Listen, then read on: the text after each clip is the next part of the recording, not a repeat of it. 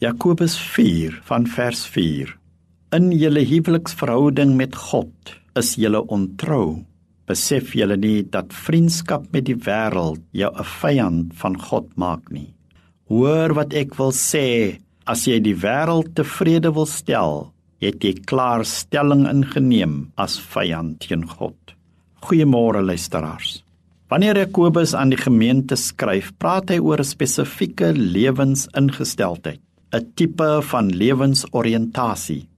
Hierdie lewensingesteldheid bring ons direk in vyandskap met God. Jakobus draai nie doekies om nie, maar beweeg tot die hart van die saak, naamlik die drange wat uit die hart van die mens kom, naamlik begeerlikheid.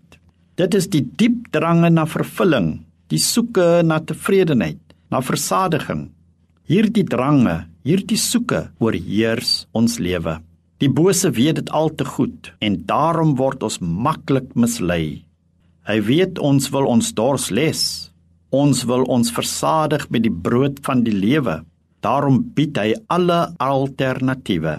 Dinge wat reg lyk, maar eintlik tot vernietiging lei. Geld is een van die belangrikste misleidingsinstrumente.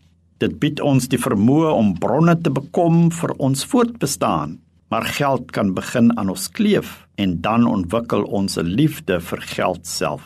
Dit bring 'n selfvoldaanheid want ek het geld. Dit bring 'n selfversekerheid want ek het geld.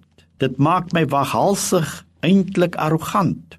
Ek beleef dat ek mag kan uitoefen en groter aansien kry.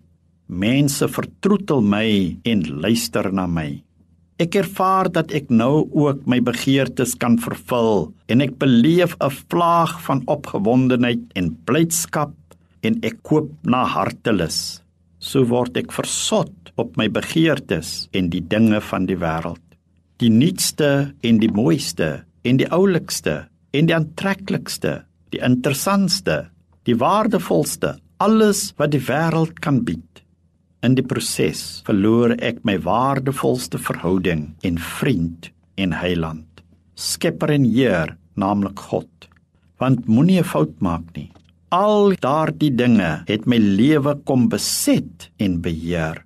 Toe dit gebeur, het ek ontwetend 'n vyand van God geword.